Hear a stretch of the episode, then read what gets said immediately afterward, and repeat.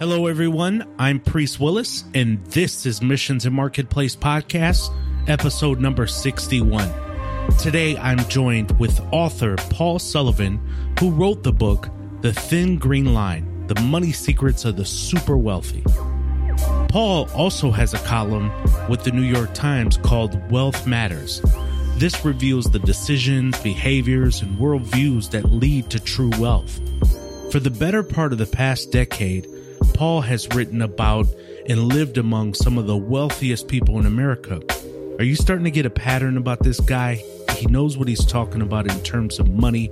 He understands that money is a tool, and he realizes that those who are wealthy also see it as a tool and see it from a psychological standpoint and not something that emotionally controls them. He's learned how to save and spend and invest their money and how they work and rest and how they use their wealth to give to their children educational advantages, but not strip them of the motivation. He also has seen how to make horrendous mistakes with money. Firsthand, Paul knows why some people, even rich people, never find true wealth, and why other people, even those who have far less, are far better off financially.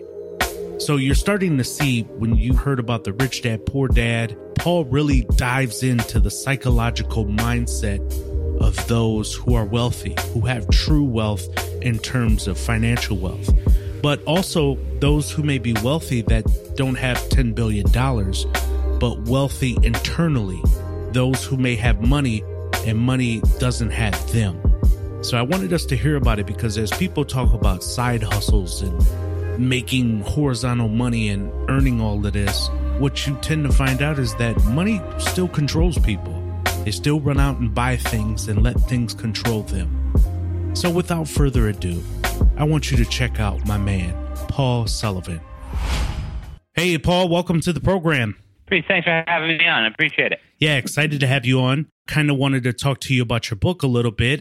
Of course, we want to hear a little bit about you and your experience as you've come along with writing articles about the wealthy and all that kind of stuff. But before we get into the book itself, why don't you tell us a little bit about yourself? That really opens it up to me just, you know, chatting and chatting and chatting, doesn't it, Priest? it really does. uh, I'm in my 40s. I've been a journalist for 21 years. I started out, uh, you know, I journalists used to at a newsletter service and kind of worked my way up to a wire service to Bloomberg. Then I was lucky enough to get a great job at the Financial Times where I was for a while. Then I wrote for uh, a magazine called Condé Nast Portfolio. It was Mm. great, but didn't last very long. Uh, and then 2008, I was fortunate enough to be able to create the Wealth Matters column in the New York Times. And, and that was really an extension of some of the stuff I've been doing at the end of my time at the AFT, at the Financial Times.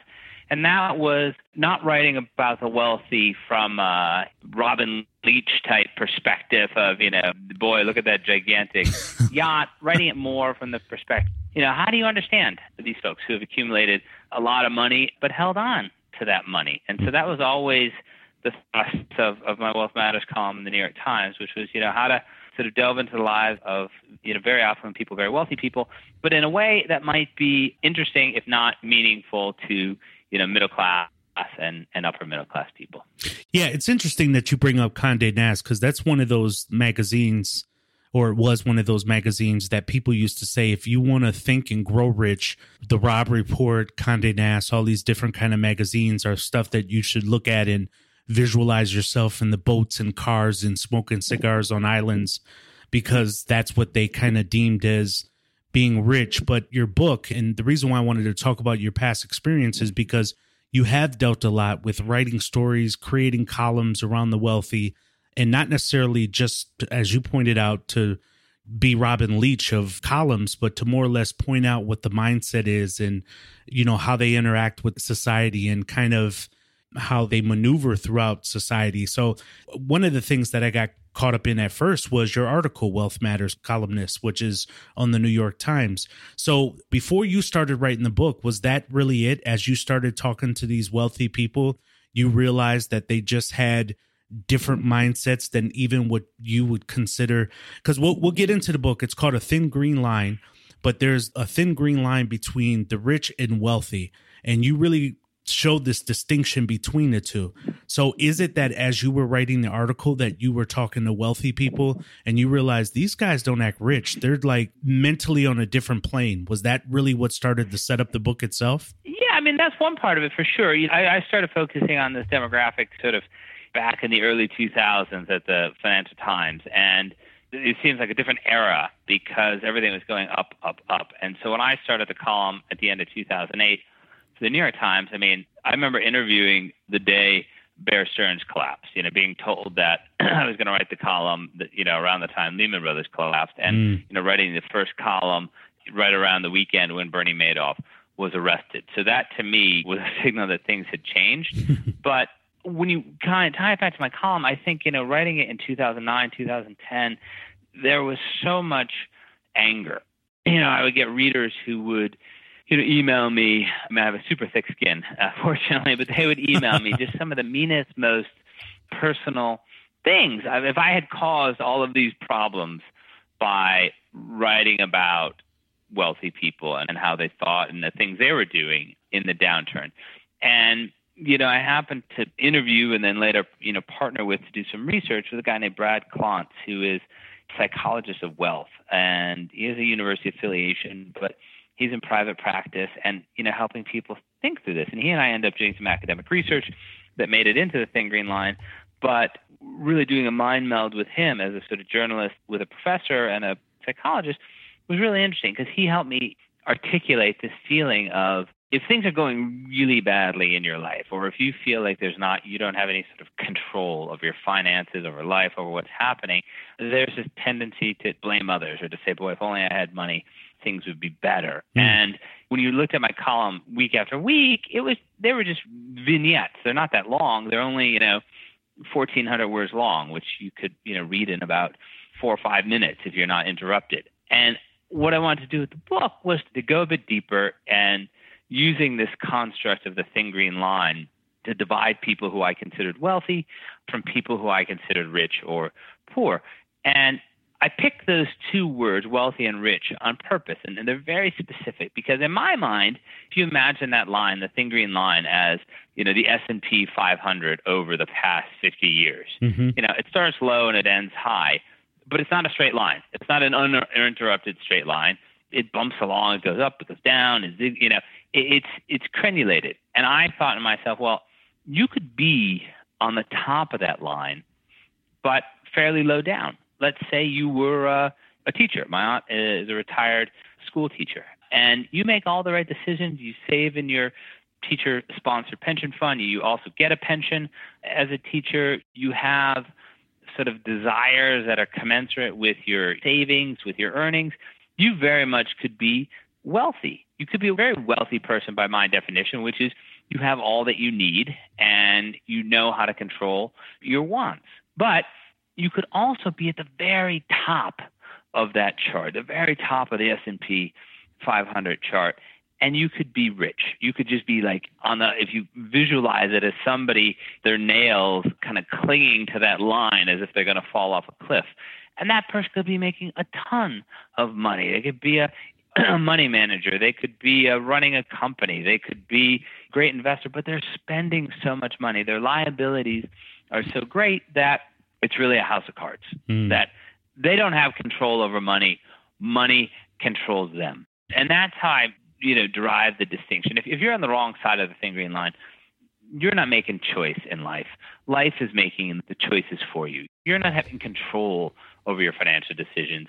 You're being controlled. And that's really the difference. It's not somebody who makes, you know, $50,000 versus somebody who makes $5 million. It's really about that mindset. And that was the key point I wanted to get across throughout the book. And you absolutely did. And I pointed this out just before we went live here is that one of the true distinctions, at least that I got from it, was that money, in a lot of respects, is psychological. And you were kind of pointing that out is that how we look at money, how we use money, it really comes down to psychological and how we see money and so forth and so on. So there are janitors out there that they make eight dollars an hour and they just scrimp and save along and at some point you come to find out that they passed away but they left a million dollars for example for, yeah. for some college right but then you hear the guy who makes six figures a year and he is literally still somehow check to check. And people who make $30,000 a year can't see how that is. So it's all a mindset on people and what they determine to do and how they feel about money and their relationship with money. And that's what I like about this.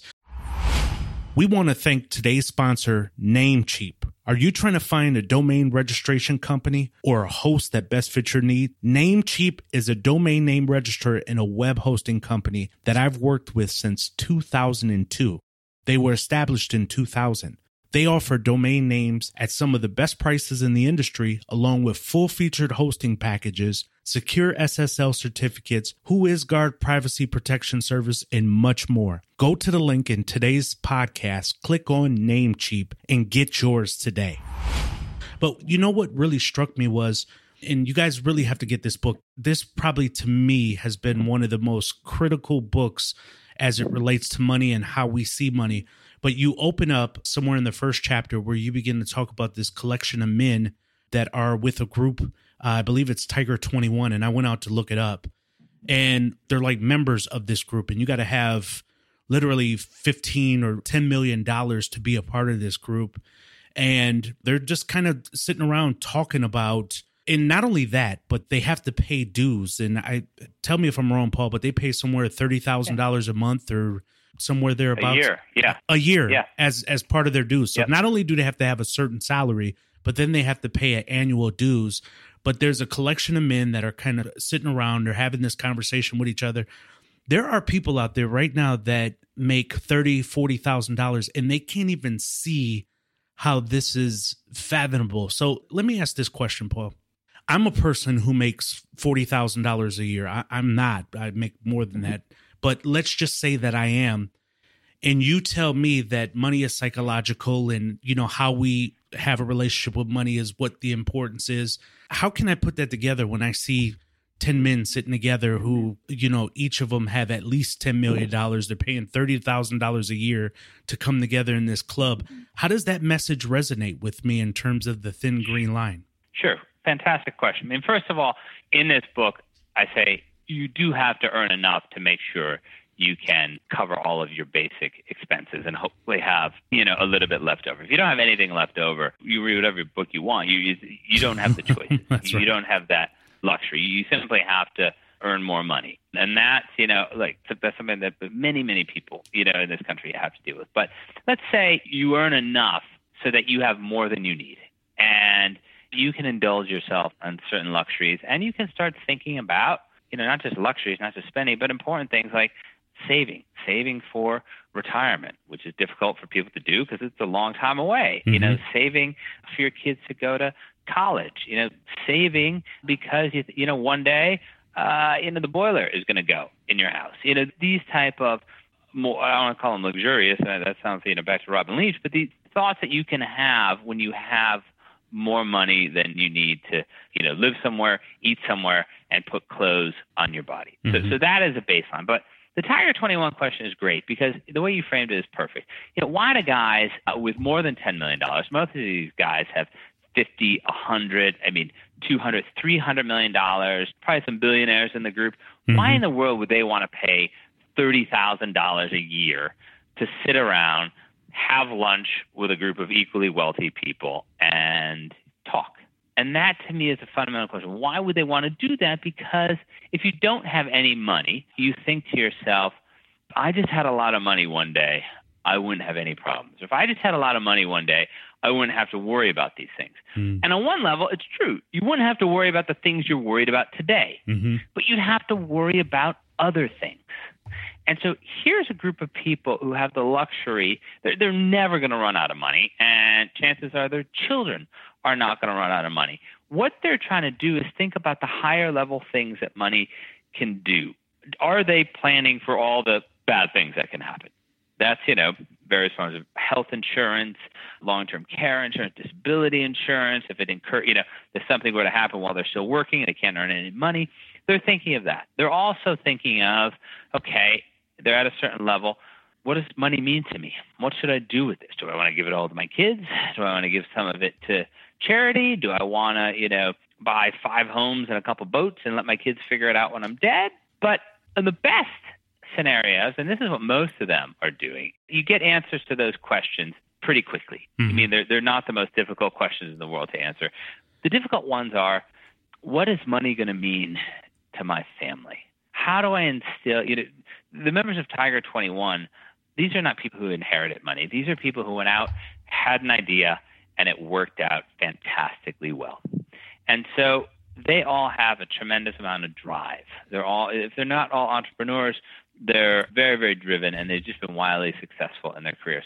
And they are asking themselves, how do I make sure that this money has meaning? How can I make sure that this money maybe gives my kids opportunities, but not so many opportunities that it doesn't take away all their ambition? Can this money, boy, I'm very grateful to fill in the blank my high school, my college, the hospital that you know helped my daughter when she was sick, whatever it may be.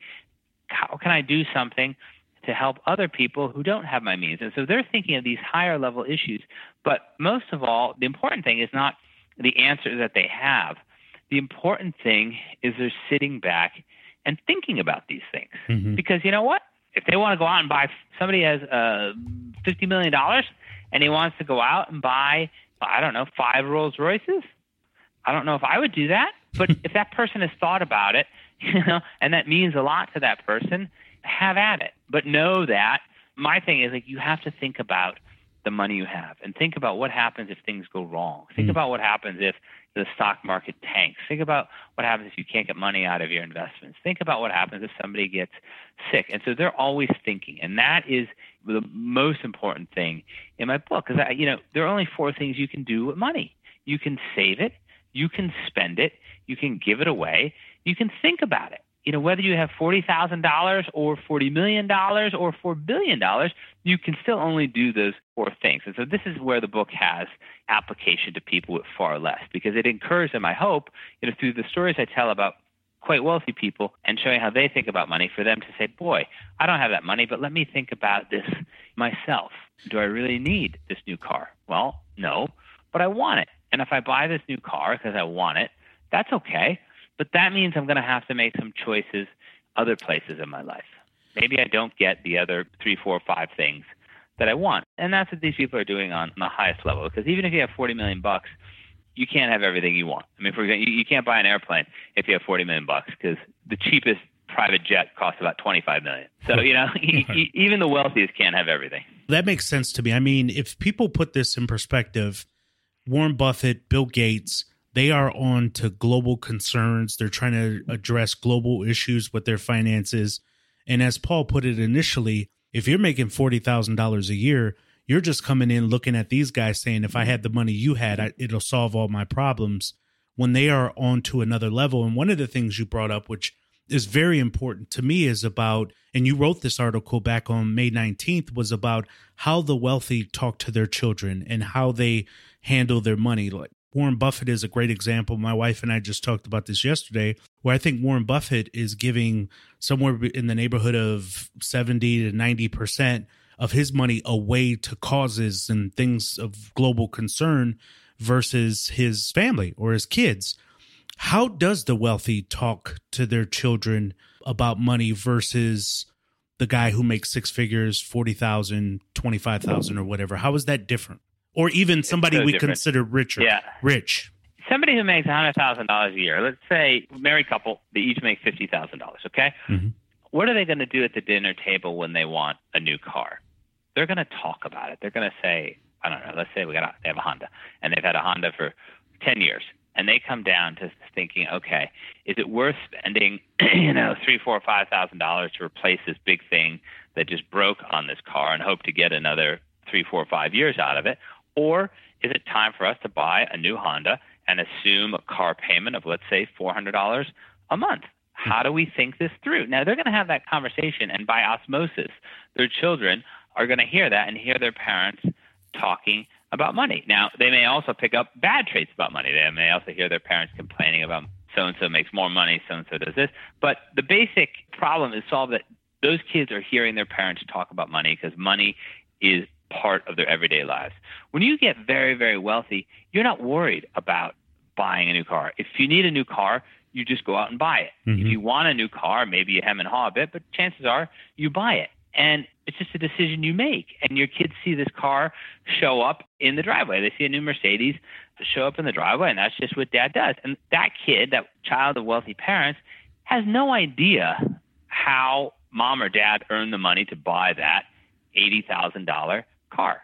Mm-hmm. The kids of the middle class parents have a very good idea how mom and dad got the money to finance the $30,000 car. And so there's still this stigma in the United States, and it's a huge stigma about talking about money. If you had a horrible disease, priest, and I said, priest, how are you feeling? And we're sitting all around the table, you'd say, oh, Paul, I'm feeling okay. I'm not feeling so great. And pretty soon, all four of us would be talking about what you're doing, what kind of treatment you're having. If you were having, or, you know, if we're sitting at the same table and I was having problems with one of my children, and you said, priest, you know, how is so and so doing? And I'd say, geez, thanks for asking. And I'd tell you all about it.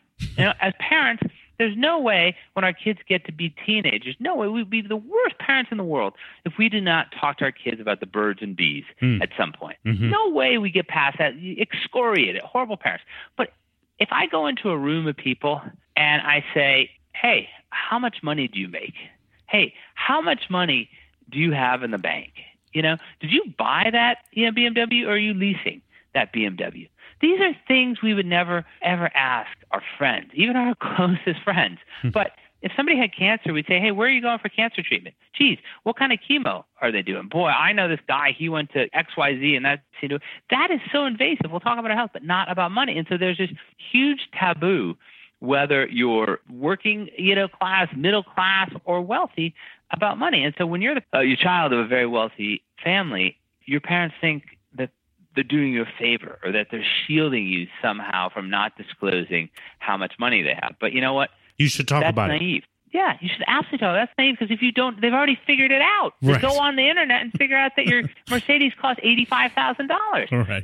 Type in your address, and Zillow tells them that your house costs five million dollars. They, they fly on a plane to you know Turks and Caicos. They go online and say, "Geez, the Grace Bay Hotel wow, that costs fifteen hundred dollars a night to stay there. You know, kids, these are tech savvy kids. This isn't the time in the 30s where you could be a Rockefeller and nobody would really know exactly how much money you're worth. People can make a pretty good guess exactly how much money you have, and your children are doing that. So why not get out in front of it? and start having that discussion. And, and the column you referenced was all about giving appropriate information at the appropriate time, just as we would do if a small child, you know, one of our children was eight or nine and was asking where babies come from, we give that child a different talk than a child who was 14 or 15. It's all about giving the appropriate level of information at the appropriate time. So you think the first steps of teaching kids financial literacy is to be transparent with them and talk to them about what you're making and when you work, how money comes in and how it goes out and talking budgets and in terms of stuff like that. Is that what you're suggesting? Hundred percent. I mean, yeah. my kids, you know, when they're once they're in kindergarten, my wife and I give them an allowance that's a dollar for every year for every year how old they are. So you know, the kindergarten, the five year old gets five bucks. You know, and you go on up. And I got this from a friend of mine, but this is a great way to sort of get people thinking about money. You know, a friend of mine, Ron Lieber, wrote a book all about how not to spoil the kids. And it was very controversial his his thinking about allowance. And his thinking was you give kids an allowance so that they can learn about money. You don't give kids an allowance because they've done things. They have to do things in the house because they're part of the family. Nobody gives me extra money to take my own garbage out at night. I just have to do it. So right. my kids should do something similar to that but the allowance is so crucial. And what I do with my daughters is I bought this bank online called the Money Savvy Pig, and the piggy bank is divided into four areas: it's, you know, save, spend, invest, and donate. And each week, you know, the one who's eight has her eight dollars. She's got to make decisions. She, you know, she can't put all eight dollars into spend each week. The rule is at least one dollar has to go into everything. But we try to have a discussion and say, okay, you know, where's it going? And what is something that simple doing? It's ingraining, you know, almost hopefully hardwiring into small children that you have to make choices with money. And money is nothing more than a means of exchange. What matters with money is the choices we make with it. So if you can get kids early on making those choices, you're ahead of the game, as opposed to the financially illiterate college freshman who signs up for a MasterCard or a Visa card and pretty soon has run up $5,000 in credit card debt on an income of zero. Good point. One of the things that you talked about was being open and transparent in the home about finances. And one of the things that we all deal with, regardless of how much money you have, is some level of debt, something that you owe others, things of that nature. How do you think the wealthy attack debt, bills, maybe different than what we consider rich or middle class people? Or do they? Yeah, I mean, they certainly do. And, and they have a huge advantage over the rest of us. Of course, know? they have an ongoing stream of income, which kind of helps. And a lot of us are fighting with the electric bill where they're kind of beyond that. Right. But even at their right. level, they're fighting a new devil. So how do they? yeah. So, so an easy example: you or I buy a home, we go to the bank. They say, okay, on your income, your, your wife's income, you can the house you can afford. Mm-hmm. This is the mortgage we'll give you, and then you think, okay, then you kind of do the calculation in your head. Okay, that's X number of dollars a month. You know, thousand, two thousand, three thousand, four, whatever that number is. How does that fit into the rest of my post-tax budget? Mm-hmm. So you really got to do those post-tax calculations, which most people don't. Most people say, okay, I make $100,000 a year. That's great. How did I spend so much money? Well, depending on what state you live in, you don't make $100,000. You make, you know, fifty and sixty-five thousand dollars a year after taxes. So it starts with the simplest of math. If you're wealthy and you could buy a house outright, I mean, debt can be your friend. You can say, okay, I'm going to buy, I'm going to take out a mortgage for $500,000 on this house and another mortgage for $500,000 on that house, and I'm just going to keep those mortgages on the house forever. Why? There's an enormous tax benefit to doing that. You, you get to deduct the interest up to a million dollars. That's how debt is working for you. You know, I have this guy in the book who has this very risky business, and almost all of his assets are in. it's crazy. They're in T-bills, super fancy cars, like you know California Ferrari Californias that you know have a resale value because they're exclusive, and homes because he figures if everything goes horribly wrong, which it could, he has these solid things. But he's got four homes, two of which are paid for free and clear, and two of which have $500,000 mortgages on him for tax purposes. But he also owns this enormous yacht, this, you know, eight, nine million dollar yacht. And I said to him, you know, well, how do you own that? And he said, oh, well, you, you got to own that, you know, with as little equity as possible. And I said, why? And he said, oh, I don't know. My accountant told me that's just the way you own a yacht. And uh, shame on me for not delving into it more, but it's too esoteric. But I mean, at that level, debt is something that helps you earn more money because you can leverage it up and free up cash to make mm. you know investments that are going to grow at far more than the 4% you're paying on your mortgage. Yeah. That's a super luxury. I mean, for the rest of us it's okay. I really want this house. How can I make this work? Or not even how. That that's the first question, but can I make this work or should I make this work? And so that's a huge distinction. I mean, look, yeah, yeah, I've been a fortunate guy, but we buy a new house, we go to the first thing we do is, you know, go to the banker and say, what kind of mortgage can we get? What's right. it going to cost? Right. You're super wealthy. You don't care about that. This is really good because you hear the cliche thrown around so much that you need to use other people's money. But what you're saying, in essence, is wealthy people really do leverage debt because they're using other people's money. In the meantime, their money is liquid. It's freed up to invest how they will, whether it's stocks or in other investments that'll give them greater returns. In the meantime, they're still leveraging other people's money to purchase stuff. But if you are somebody that's on $40,000 a year or even $100,000 a year, you have a different battle. But again, the reason why I like this book so much is because conceptually, of course, you may not have that money, but the mindset is what's key for me. Now, let me ask a question, just a couple more before we wrap up here. First of all, why did you think writing a book like this was important for readers to understand the difference? Why is it so key for the readers out there to understand the difference between wealthy and rich? I don't want to get on my high horse, but the honest answer is because I thought I could help people and I think I know a lot about the topic. Mm. And this is my second book. The first book was called Clutch. It was all about how some people excel under pressure and others don't. That book is fun. You read that book and you can pretend to be the star baseball player I interview in the book. You can pretend to be the great actor who never gets stage fright. And, and that has application to our business life, our recreational sports that we play. But it's, it's just a fun but interesting book. This, you know, the Thin Green Line in my fantasies, it's that people read it and they think, huh, you know, because at no point do I chastise people. You know, so many money writers, you know, they bang on and on about, you know, the four, five, six dollar Starbucks coffee, whatever Starbucks coffee costs Right. now. You know, and obviously, yeah, you six bucks, you, you go to work, you know, you know, what, 20 days a month, that's uh, $120 that you could spend on something else. It's clearly, for most people, a luxury. But I turn that on its head in the book, you know, as I do with many other things, many other sort of cliched assumptions. I turn on its head and say, look, if the thing that makes you the happiest, the thing that gets you through your day is to go out at 2:30 and buy your Starbucks caramel latte for four dollars and thirty-five cents. Then do it. Have at it. Have at it. Exactly. But realize then, calculate in your head how much money a year you're spending. You know, there's something incredible about writing everything down, just writing everything down in a post-tax way.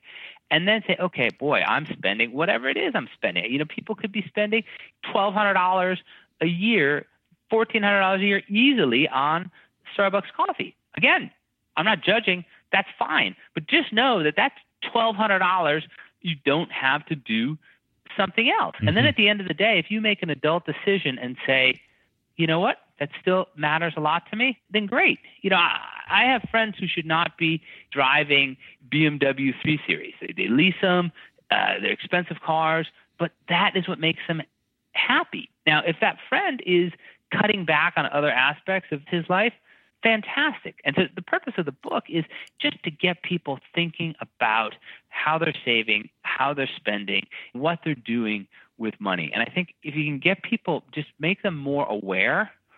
I'm hoping that that's that's half the battle. I mean, this is what my wife and I do. Twice a year, we look at all of our expenses, we write them down, and we see, you know, we want to know where our money goes. And, Yep. and simple exercises like that go a long way, I think, to correcting bad behavior. You just bring me to my last question here, and you brought up you and your wife. How much time have you spent writing about the wealthy, writing about the rich, writing this book, digging in for material and interviewing people that now X amount of years along, being just in this world, has rubbed off on you personally in how you see money and how you interact with money? How much of it do you? Maybe you, you don't have ten billion dollars, and maybe you do, Paul. If you do, just let's talk offline. A. But but I'm actually, you're actually talking to me on my, my yacht in the Caribbean. Teresa. I left that part out. of course you did. But uh, how how much of it has rubbed off on you personally? You know, it's rubbed off a tremendous amount. In the first chapter of the book, I talk how at one point, you know, before we had kids, my wife and I bought a condo in Florida, and, and we thought, you know, this is great, two bedroom condo. We're going to go down there, and we, and we did before kids. And these Tiger 21 guys said, this is the most ridiculous thing ever. You know, you're about to have kids. This is going to cost you so much money. You know, if you want to go to Florida, it'd be more make more sense to rent. You know, to stay in a hotel. And, and they were incredibly prescient. They were right. I, I didn't want to hear it changed my behavior. I mean, we sold that condo and we started doing things differently. I mean, I'll tell you a, a true story. Last week, uh, last Friday, my wife and I were both working from home. We said, you know, made a time to go out. We went out to lunch at, at a restaurant we, we love. We sat at the table looking out the doors onto the street, watching people walk by. But in front of us, we had a list of our expenses and we were comparing our expenses from last year to this year and some things that worked out better than we thought and some things that didn't work out that well. Now, this is not most couples' idea a romantic Friday lunch when their kids were away at, at summer camp, you know. But you know, I don't want to you know, paint myself as just a horribly boring person, but I mean, and, and, and we don't do this every Friday, but it was time to do it. And a- afterwards, you know, the very act of writing it down, honestly, we were really happy with some things. Some things, you know, our expenses had gone down, and, and in one particular area, we said, "Geez, this is all." It was off by you know five, six thousand dollars from what we'd sort of guessed in our mind, and we had the conversation. Both ordered a glass of wine with lunch. You know, we had a nice lunch. It was enjoyable, but it was, it was a necessary thing to do. And so we tried to make something that most people avoid pleasant. And then, like, you know, most couples with kids, after we did this for, you know, 30 minutes, we, we talked about our kids. And, and it was a fun lunch. But it's just acknowledging the elephant in the room, not talking about money, not talking about the money you have if it's more than you need, not talking about money if you don't have enough. The act of not talking about it is in no way going to improve the situation. Right. So let's talk about it and then let's kind of make some decisions like like adults should make decisions. Hey guys, this guy, I love his stuff. Go check out NewYorkTimes.com under the column Wealth Matters, but especially go check out his book, The Thin Green Line The Money Secrets of the Super Wealthy. This is Paul Sullivan. Paul, thank you so much for spending time with me today. Thanks, thanks for having me on. This is a lot of fun. Now I'm going to get back to my yacht in the Caribbean. So, so thanks. Take care. Thanks. Thanks for listening. The next episode of Missions and Marketplace podcast drops on Sunday. Drops every Sunday. If you like what we're doing, leave us a rating, a review, and subscribe to us on Apple Podcasts. It's a great way to help others find out about the show. I got love for you, and I know you have it for me. Help me raise the bar even higher. For more information about the show, follow me on Twitter at the handle P. Willis Sr. Until next Sunday, keep dreaming, keep pushing, and I'll do the same, and I'll talk to you soon.